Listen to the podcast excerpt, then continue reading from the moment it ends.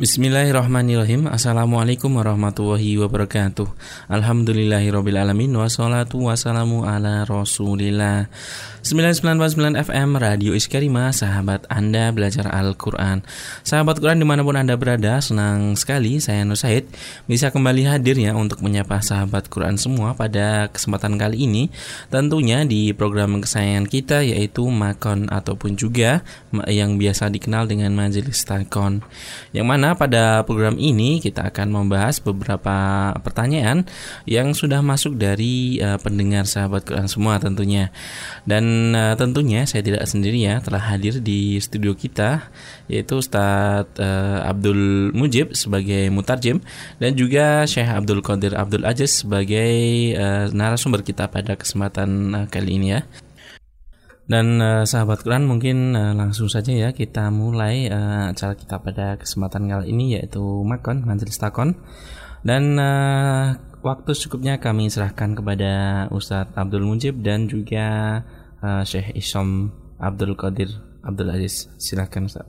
Bismillahirrahmanirrahim. Assalamualaikum warahmatullahi wabarakatuh. Para pendengar radio Ishkarimah, sahabat Al-Quran di mana pun Anda berada, semoga kita semua senantiasa berada dalam lindungan Allah Subhanahu wa taala. Kembali bersama kami dalam Majlis Taqon bersama dengan Syekh Abdul Qadir Abdul Aziz sebagai narasumber dan saya Abdul Majib sebagai penterjemah. Kita masih berbicara seputar pengurusan atau tentang seputar uh, wabah penyakit. Adapun pertanyaan yang masuk hari ini adalah Bagaimanakah sikap seorang muslim yang benar di dalam menghadapi wabah? كيف يكون موقف المسلم الصحيح عند مواجهة الوباء؟ جزاكم الله خير. السلام عليكم ورحمة الله وبركاته. وعليكم السلام ورحمة الله. بسم الله الرحمن الرحيم. الحمد لله رب العالمين. والصلاة والسلام على أشرف الخلق وأطهرهم وأزكاهم محمد بن عبد الله صلى الله عليه وسلم. الرحمة المهداة والنعمة المسداة والسراج المنير البشير النذير. اللهم أحينا على سنته وأمتنا على ملته وارزقنا شفاعته وأرفقنا صحبته في الفردوس الأعلى ومتعنا بلذة النظر إلى وجه الله الكريم. اللهم أمين يا رب العالمين. اللهم إنا نعوذ بك من الطعن والطاعون والوباء وعظيم البلاء في النفس والأهل والولد. الله أكبر الله أكبر الله أكبر. مما نخاف ونحذر. الله أكبر الله أكبر الله أكبر. عدد ذنوبنا حتى تغفر اللهم إنا نعوذ بك من الطعن والطاعون والوباء وعظيم البلاء ومن هجوم البلاء ومن موت الفجأة ومن سعر الحمة ومن سوء القضاء ومن درك الشقاء ومن شماتة الأعداء. يا حي يا قيوم يا ذا الجلال والإكرام. ربنا اكشف عنا العذاب إنا مؤمنون. ربنا اصرف عنا عذاب جهنم إن عذابها كان غراما.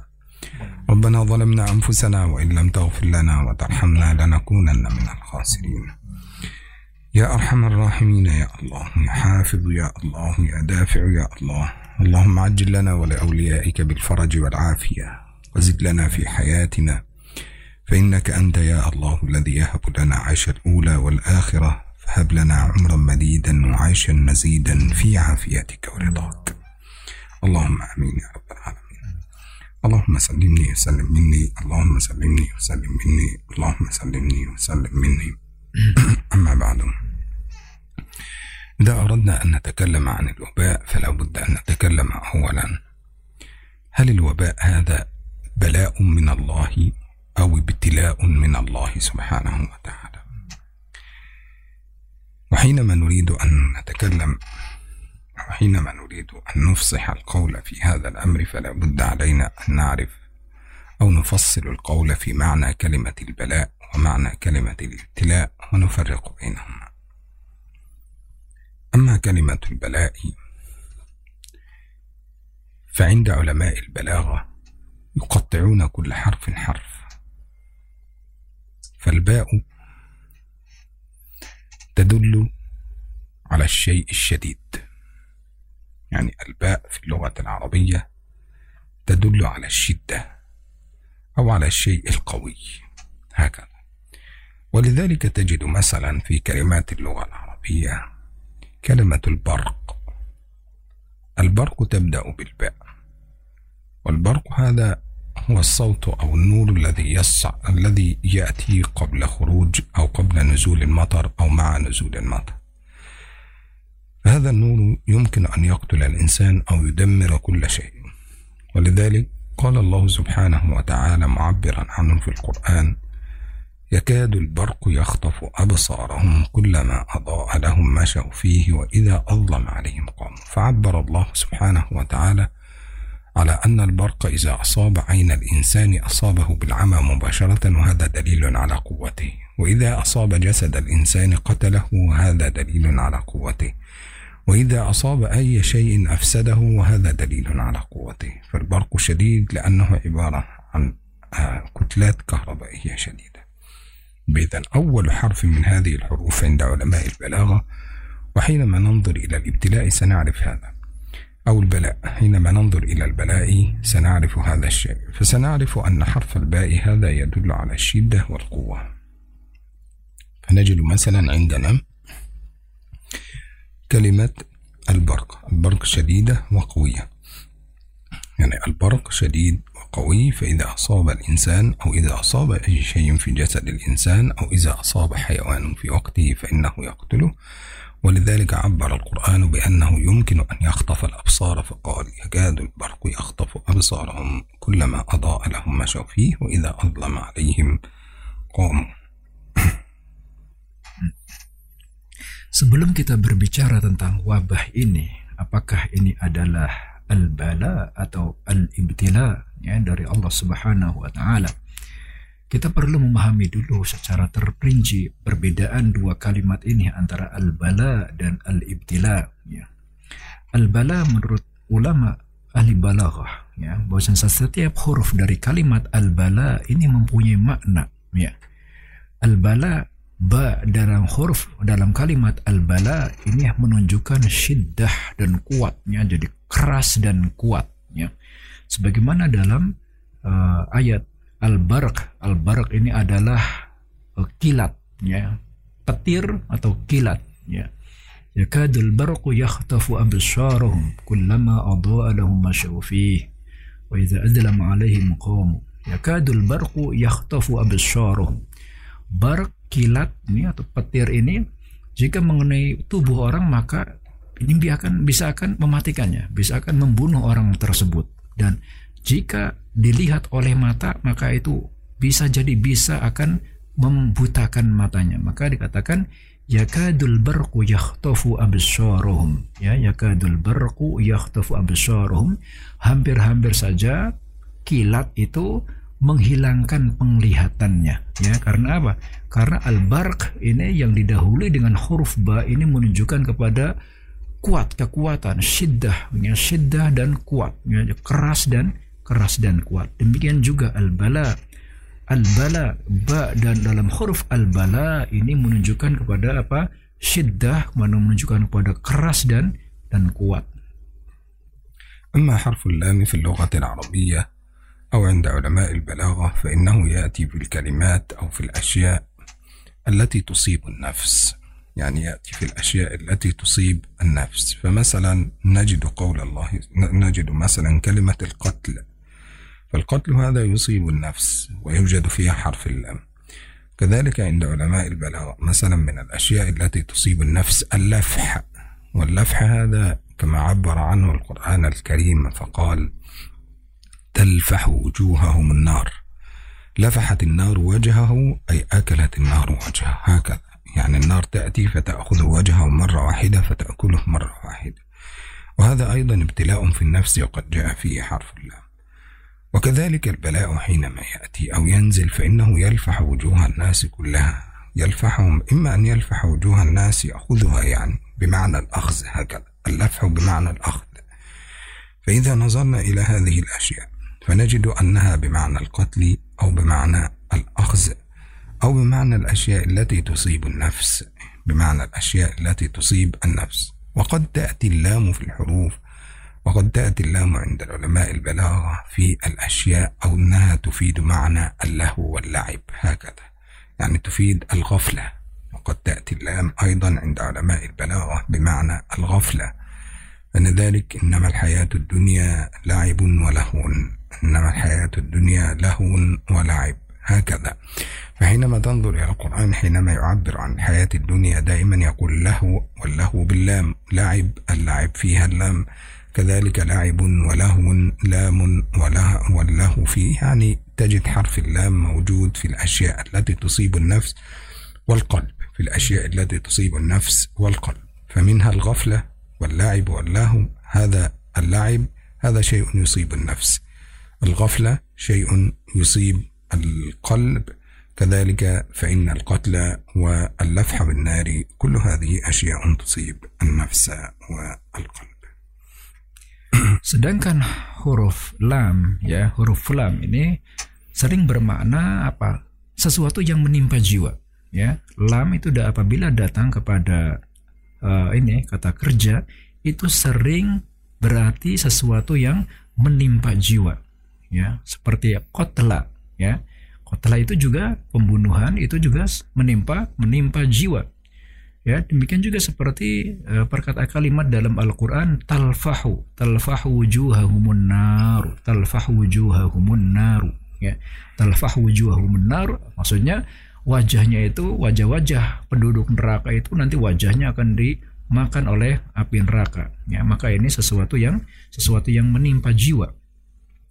Demikian juga huruf lam ini sering menunjukkan apa? Ghaflah dan la'ab, ya ghaflah dan la'ab. Ya sering menunjukkan uh, kelalaian ya kelalaian dan permainan. Ya seperti wama innamal hayatud dunya la'ibu wa lahun innamal hayatud dunya la'ibun wa lahun lahun wa la'ib. Ya dua-duanya dua kalimat ini dua kata ini dua-duanya pakai lam. La'ibun itu adalah permainan walahun dan sendagurau permainan yang tidak ada tidak ada maknanya. Ya jadi uh, huruf lam baik itu sesuatu yang menunjukkan tusibu an nafas ya maupun kemudian menunjukkan ghaflah menunjukkan uh, permainan menunjukkan kelalaian itu sama-sama menimpa jiwa ya kelalaian yang menimpa jiwa atau rasa sakit yang menimpa jiwa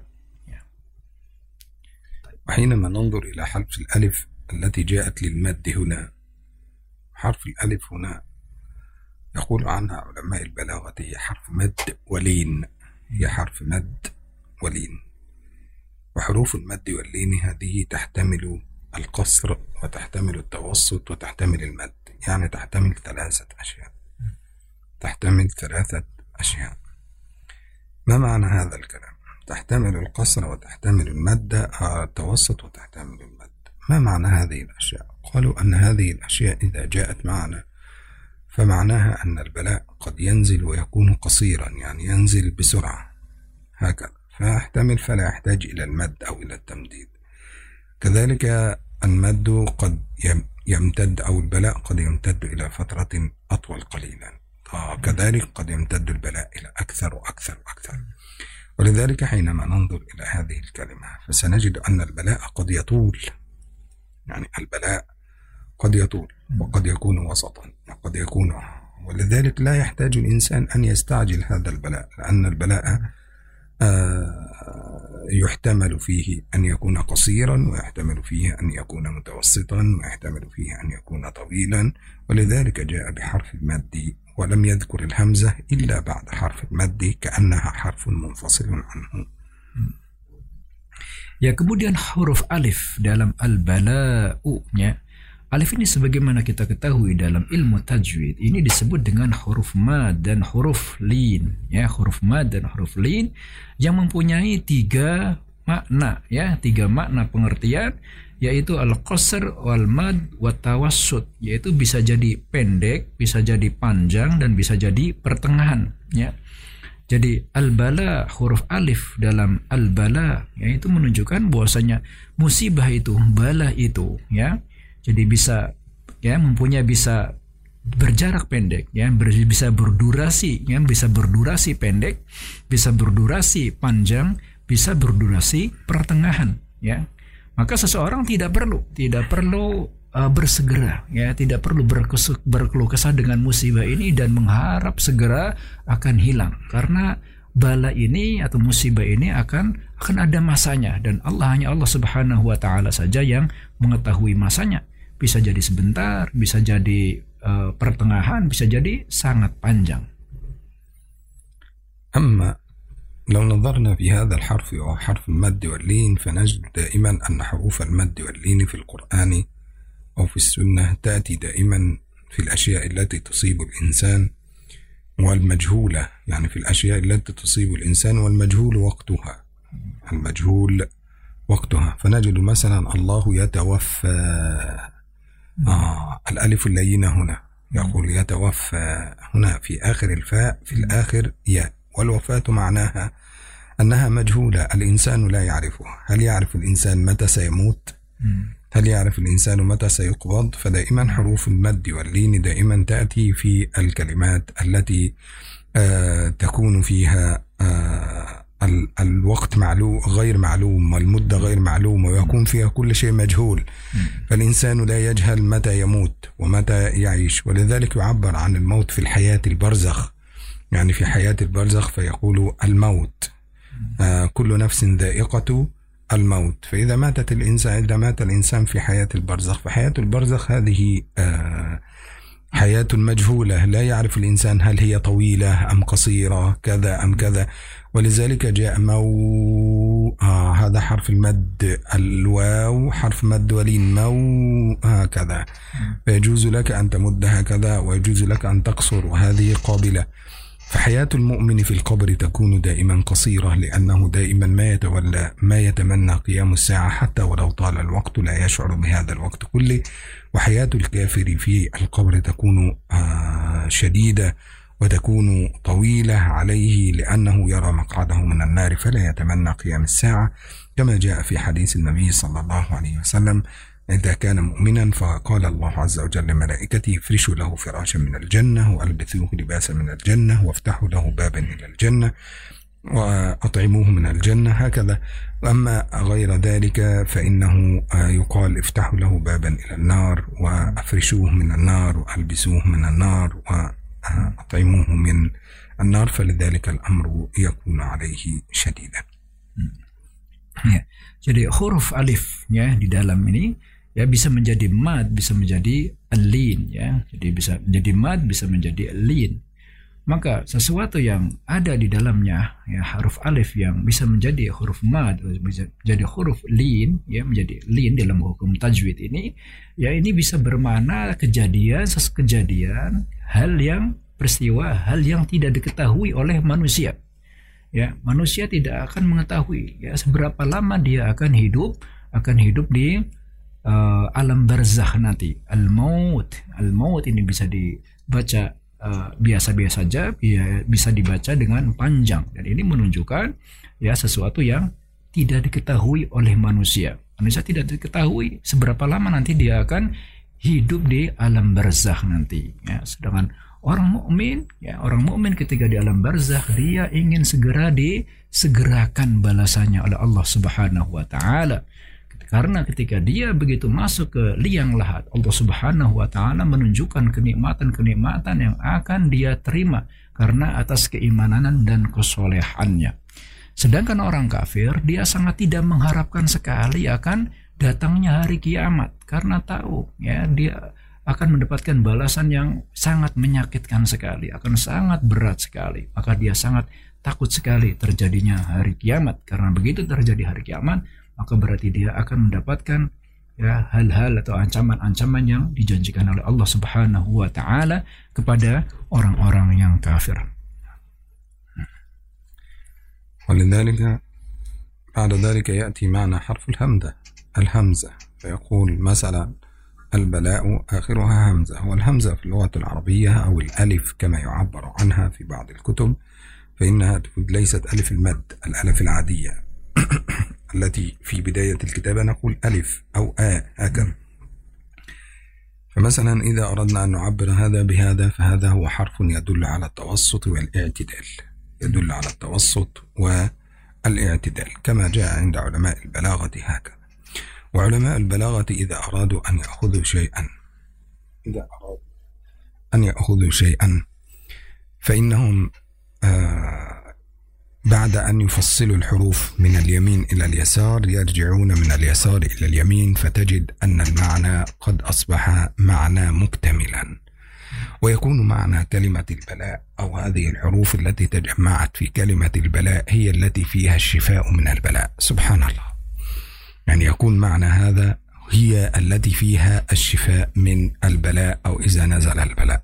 طيب تعالوا ننظر هكذا. الهمزة تفيد التوسط والاعتدال. يبقى إذا نزل البلاء إذا أردت أن تنجو هكذا. أو توسط واعتدل خلاص؟ هكذا. فإذا ماذا يفعل البلاء؟ يقتل الإنسان. إذا توسطت واعتدلت ستنجو من البلاء. توسط واعتدل وابتعد عن الغفلة تنجو من البلاء. توسط واعتدل وابتعد عن الغفلة واللهو واللعب تنجو من البلاء. ولذلك البلاء إذا نزل هكذا. تخيل أن المعنى يكون هكذا. توسط اعتدل. آه، توسط في معاملتك مع الناس. لا تكن حذرا آه يعني بشكل شديد جدا لدرجة أنك آه تفسد على نفسك كل شيء وتفسد حياتك على نفسك. لا. لا يغني حذر من قدر فإنه لا يغني الحذر من القدر. القدر نافذ نافذ فالمؤمن حياته وسط بين التوكل على الله عز وجل وأخذ الحذر. هكذا. ولذلك توسط في معاملتك واعتدل في حياتك وتوكل على الله سبحانه وتعالى وابتعد عن الغفلة واللهو واللعب لأن وقت البلاء أشد المعصية هي التي تكون في وقت البلاء. يعني أشد المعصية هي عند نزول البلاء. ولذلك قالوا الهلكة كل الهلكة. الهلكة كل الهلكة في أن يفعل في من يفعل المعصية عند نزول البلاء. يبقى إذن توسط في معاملتك مع الناس. اعتدل مع الله سبحانه وتعالى. وتوكل على الله وابتعد عن الغفلة واللهو واللعب. ستنجو من البلاء. Kemudian huruf hamzah dalam al-bala'u. Hamzah itu menunjukkan apa? At-tawassut wal i'tidal. Jadi tawassut itu adalah sikap pertengahan, wal i'tidal itu adalah keseimbangan ya. Jadi pertengahan dan seimbang ya. Jadi uh, pertengahan di dalam bermuamalah kepada manusia. Jadi kita tidak perlu takut sekali, tidak perlu sangat berlebihan sekali menyikapi musibah ini dan tidak juga tidak tidak lalai, tidak sembrono, ya tidak takut sekali dan juga tidak sembrono, ya. Kemudian kita juga perlu ya tidak keburu seimbang kepada Allah Subhanahu wa taala. Kemudian kita jauh ya, harus menjauhi kemaksiatan, maksiatan kepada Allah Subhanahu wa taala karena ya berbuat maksiat ya ketika zaman atau turunnya musibah ini ini maka akan berakibat kepada uh, besarnya musibah akan bertambahnya musibah ini. Kadang-kadang seorang itu ketika turun musibah, turun uh, ujian, dia justru semakin bermaksiat kepada Allah Subhanahu wa taala. Ketika dia semakin bermaksiat kepada Allah, maka azabnya itu akan ditambah, ya, azabnya akan ditambah. Maka ketika seseorang bersikap tawassut, i'tidal kemudian dia tawakal kepada Allah Subhanahu wa taala dan tidak ghaflah maka dia akan selamat dari dari bencana ini ya. Jadi sekali lagi tawassut itu adalah sikap pertengahan ya di dalam menyikapi wabah ini tidak ekstrim kiri tidak ekstrim kanan tidak berlebihan di dalam ketakutan dan juga tidak lalai. Kemudian juga yang antidal kepada Allah Subhanahu wa taala karena di samping kita waspada kita juga tetap bertawakal kepada Allah Subhanahu wa taala. Di samping kita mengambil langkah-langkah nyata kita juga perlu bersandar kepada Allah Subhanahu wa taala. Kemudian kita juga tidak bermaksiat dan tidak lalai. Ya, insya Allah dengan langkah-langkah seperti itu kita akan selamat ya dari wabah bencana ini. وإذا نظرنا في هذه الكلمة فنجد أن هذه الكلمة قد جمعت جميع الحروف التي تفيد النجاة من مثل هذه الأمور. فالإنسان متوسط في معاملته مع الناس معتدل مع الله سبحانه وتعالى متوكل على الله. وهذا هو سلوك المسلم في وقت البلاء. وسلوك المسلم في وقت البلاء أن يلتجئ إلى الله وأن يضرع إلى الله سبحانه وتعالى. ولولا إذ جاءهم بأسنا تضرعوا. هكذا هو المطلوب من الإنسان أن يتضرع إلى الله سبحانه وتعالى. لأن بعض الناس ينظرون إلى أن هذا المرض هو عقاب من الله سبحانه وتعالى. ونحن حينما نفسر معنى البلاء والابتلاء فسنجد أن البلاء والابتلاء آه، الحروف واحدة. صحيح؟ أم لا؟ ابتلاء بلاء الحروف واحدة. لا تختلف في شيء إلا أنه قد زادت عنها حرف واحد وهو حرف التاء. وحرف التاء هنا قد جاء خاصة حقيقة. يعني قد جاء خاصة. لماذا؟ لأن الابتلاء قالوا أن الابتلاء هذا خاص بالمؤمنين. الابتلاء هذا خاص بالمؤمنين وحرف التاء هو من الحروف التي تدل على الخصوصية على خصوصية الإنسان. فإذا نظرنا إلى كلمة ابتلاء فسنجد أن الابتلاء هذا خاص لل آه، ولذلك لما عبر الله سبحانه وتعالى عن بني إسرائيل دائما ما كان يعبر ولم يقل لهم وفي هذا ابتلاء عظيم. دائما كان يقول لهم وفي ذلكم بلاء من ربكم. عظيم. وفي ذلكم بلاء من ربكم عظيم. آه لكن حينما عبر عن آه المؤمنين في سورة الأحزاب قال هنالك ابتلي المؤمنون. الله سبحانه وتعالى. ما أجمل القرآن حينما يعبر وحينما يفرق فنجد هنا أن التاء التاء جاءت خاصة جاءت لتدل على الخصوصية. سبحان الله. الابتلاء هذا خاص بالمؤمنين. البلاء هذا يكون بالمؤمن وبالكافر وينزل بكل الناس عامة هكذا. طيب. يبقى إذا في لحظة الابتلاء هذا في لحظة الابتلاء فالابتلاء يكون خاصا بالمؤمنين كما جاء في قول الله سبحانه وتعالى هنالك ابتلي المؤمنون. وحينما عبر الله سبحانه وتعالى في بني إسرائيل عن كلمة البلاء أو بالبلاء فقال آه وإذ نجيناكم من آل فرعون يسومونكم سوء العذاب يذبحون أبناءكم ويستحيون نساءكم وفي ذلكم بلاء من ربكم عظيم. Ya, jadi kalau kita perhatikan huruf huruf ini di dalam kata al-bala'u ini sudah mengandung beberapa kunci-kunci keselamatan bagi seorang mukmin di dalam menghadapi wabah ini, dalam menghadapi musibah wabah ini. Yaitu apa? Sikap tawasud, sikap yang antidal, tawakal kepada Allah Subhanahu wa taala dan tidak ghaflah sikap pertengahan, sikap seimbang dan kemudian tetap bertawakal kepada Allah Subhanahu wa taala dan kemudian senantiasa uh, waspada dan senantiasa bertakwa kepada Allah Subhanahu wa taala. Kemudian kalimat yang kedua yakni al-ibtila. Ya, sebenarnya antara al-ibtila dengan al-bala ini kalimat ini dua kata ini sama ya, tapi yang kalau yang kedua itu ada tambahan di sini yaitu huruf ta ya huruf ta maka ini disebut adalah ta khususiyah ta khosoh ta yang istimewa ya tak yang khusus ya. Karena al ibtila ini khusus kebuat orang-orang yang beriman ya. Ibtila sekali lagi adalah khusus buat orang-orang yang beriman ya.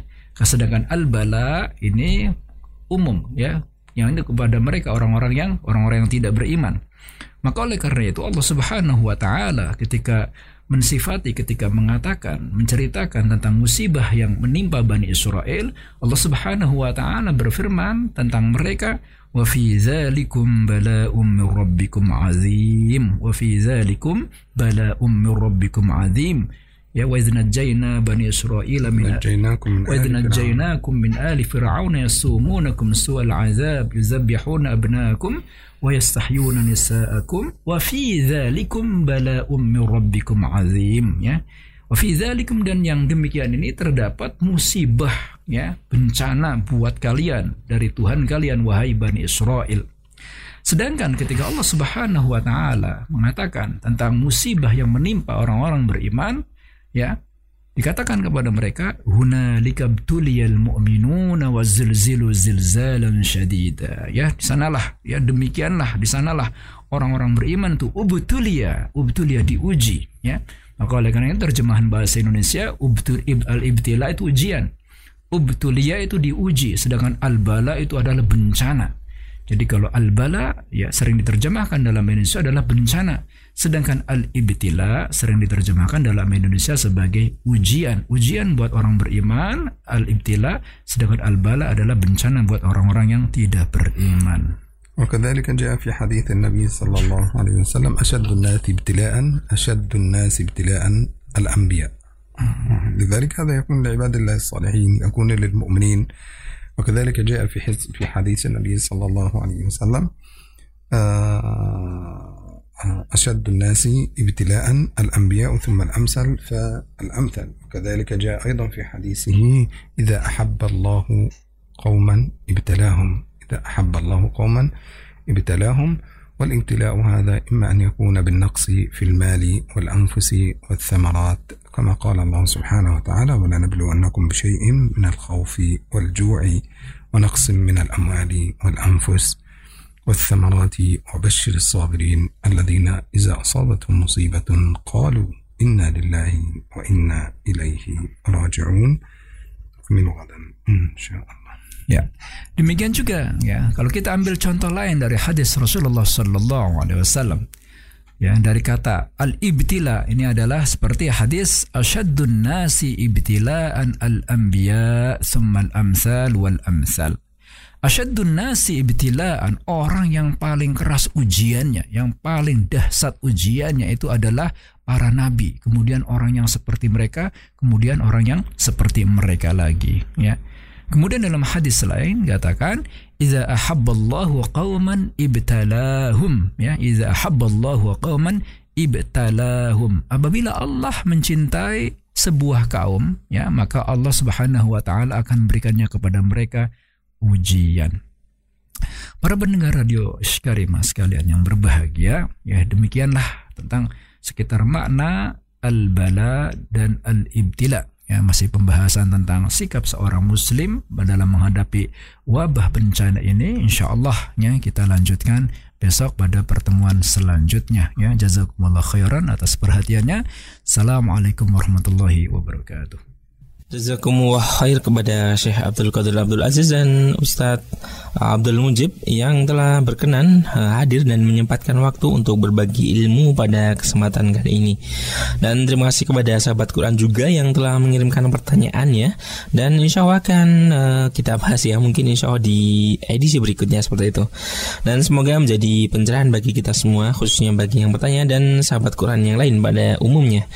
Baiklah sahabat Tuhan di mana pun Anda berada Demikian tadi Majelis Takon edisi kali ini Akhirnya saya Nur Syahid yang bertugas Juga mewakili Syekh Abdul Qadir Abdul Aziz dan Ustadz Abdul Mujib pamit undur diri dari ruang dengar sahabat Quran semua. Tetap stay tune di 99.9 FM Radio Iskarima, sahabat Anda belajar Al-Quran. Alhamdulillahirrabbilalamin, subhanakallahumma bihamdika, asyhadu ala ilaha illa anta, astaghfirka wa atubu Wassalamualaikum warahmatullahi wabarakatuh.